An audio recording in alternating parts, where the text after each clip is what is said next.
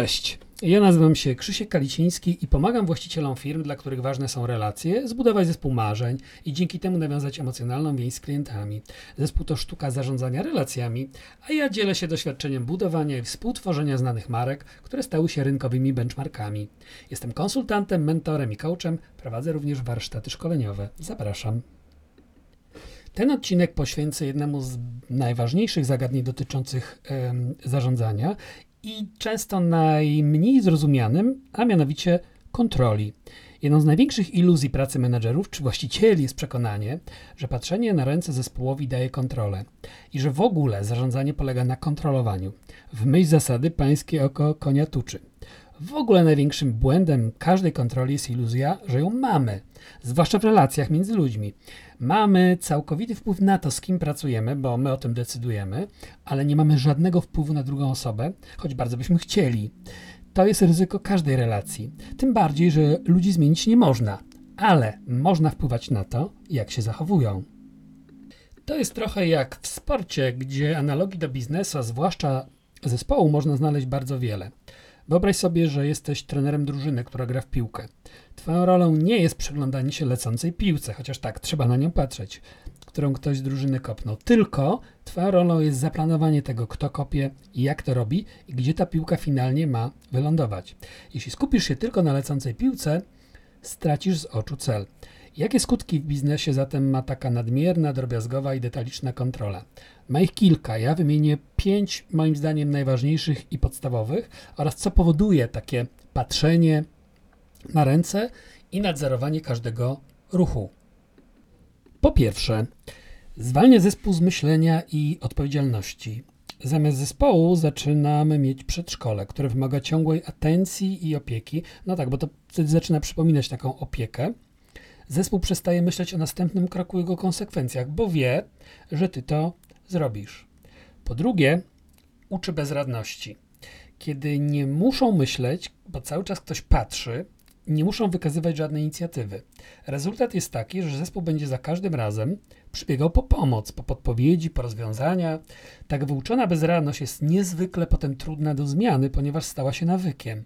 W głowach zespołu zmiana ta oznacza, że będą mieli ciężej. Ta zmiana potem jest trudna, nie znaczy, że niemożliwa. Bardzo często zmiana w zespole to proces jego dorastania i dojrzewania. Takiej zmiany relacji rodzic-dziecko w relacje dorosły-dorosły.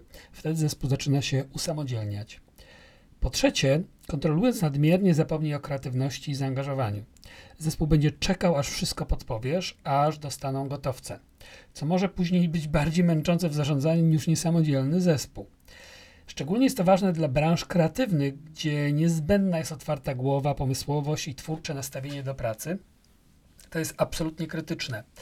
Ale dla innych branż, zwłaszcza takich, gdzie jest kontakt z klientami, gdzie pojawiają się niuanse, gdzie potrzebna jest elastyczność oraz umiejętność szybkiej reakcji, brak takiej, takiej elastyczności, czyli kreatywności i e, śmiałości w podejmowaniu decyzji, jest naprawdę e, utrudnieniem.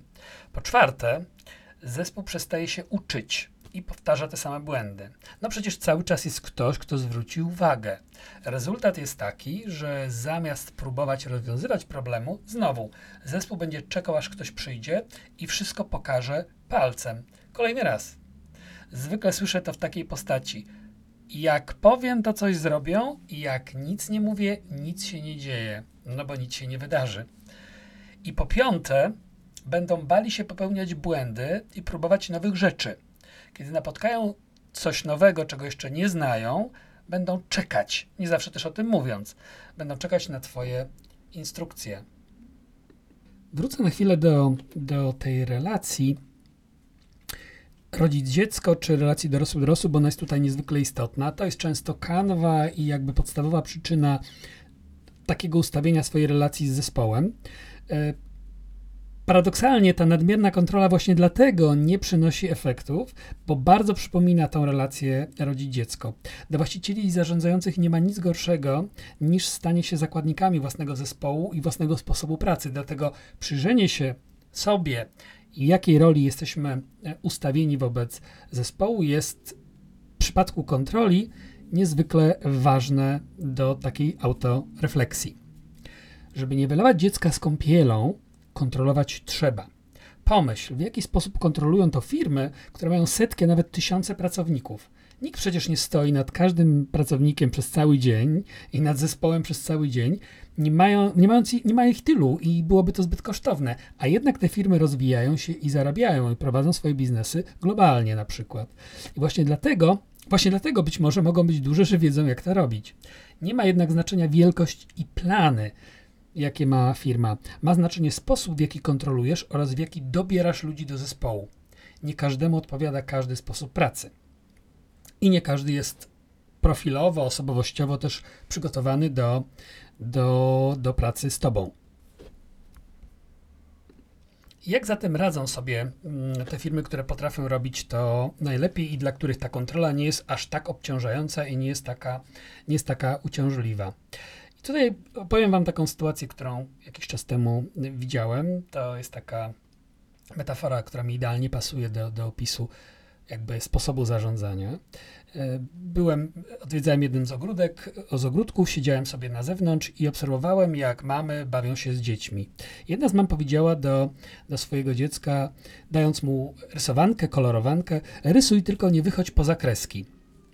Właśnie tak poinstruowała swojego malucha.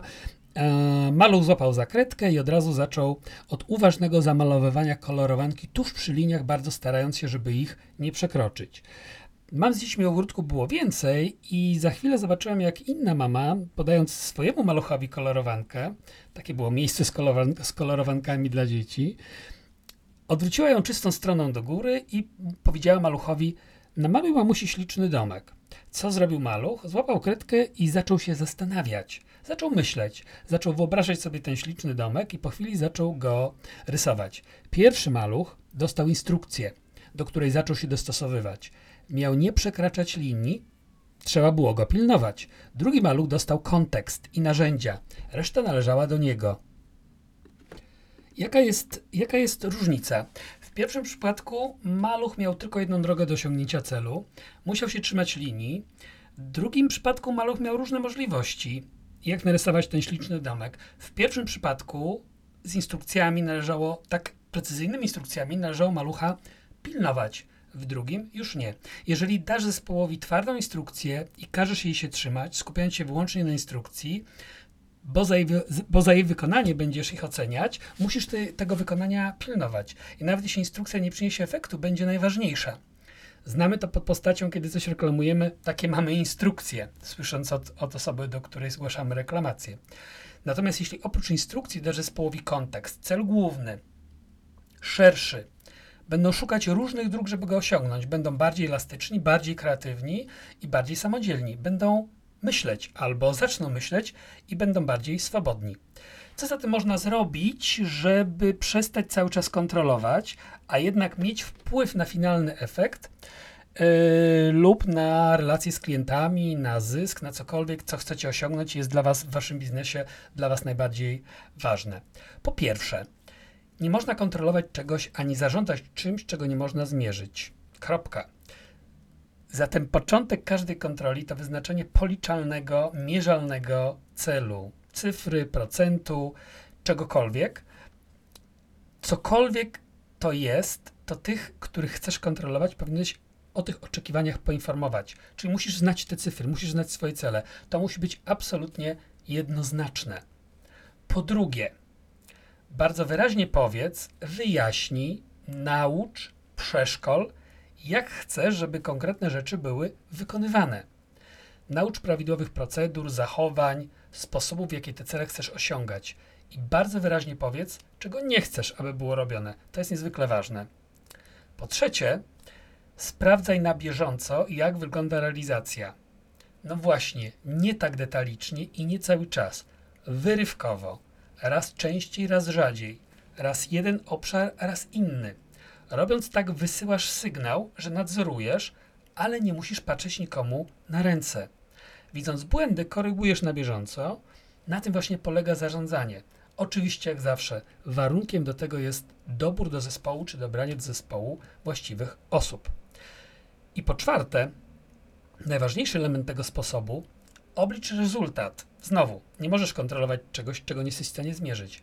Poinformuj zespół czy to, osiąg- czy to osiągnął, czy osiągnął to, o co prosiłeś, czy nie. Jeżeli nie, ustal dlaczego, żeby nie powtarzać błędów, sprawdź, co się stało. To najważniejszy etap kontroli, bo to jest etap wysyłania konsekwentnego sygnału, że widzisz. Powtarzając ten sposób kontroli, uczysz zespół, że regularnie efekty ich pracy będą sprawdzane. Regularnie nie znaczy cały czas.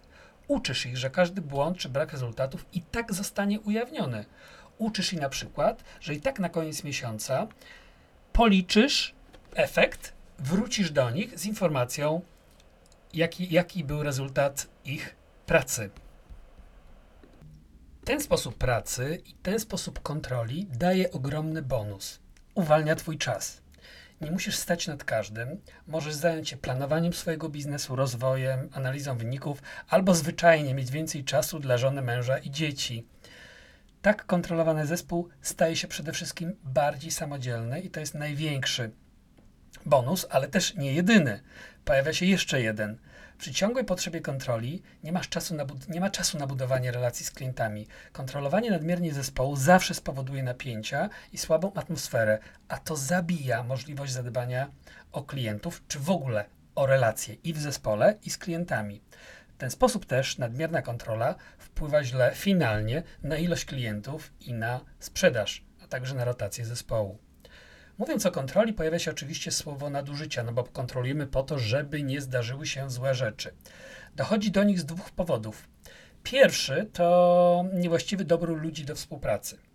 Drugi to brak systemu kontroli, który jest niezależny od tego, kogo masz w zespole.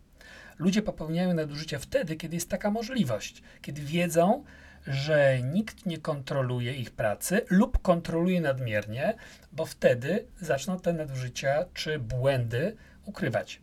Kiedy wiedzą, że jeżeli raz się to uda, to można ponownie. Jednocześnie odpowiedzialność, że tak jest, spoczywa na zarządzających. Zbudowanie nieobciążającego systemu kontroli czy sposobu myślenia o kontroli jest tak samo ważne jak właściwy dobór ludzi do zespołu. Im więcej poświęcisz temu czasu, tym dwóm kwestiom, tym mniej czasu będzie potrzebne na patrzenie na ręce i tym lepsze przyniesie to efekty. To tyle w tym odcinku, a jeżeli potrzebujesz wsparcia we własnym rozwoju albo pomocy w zbudowaniu zespołu marzeń, odwiedź moją stronę i umów się po więcej. Dzięki i zapraszam.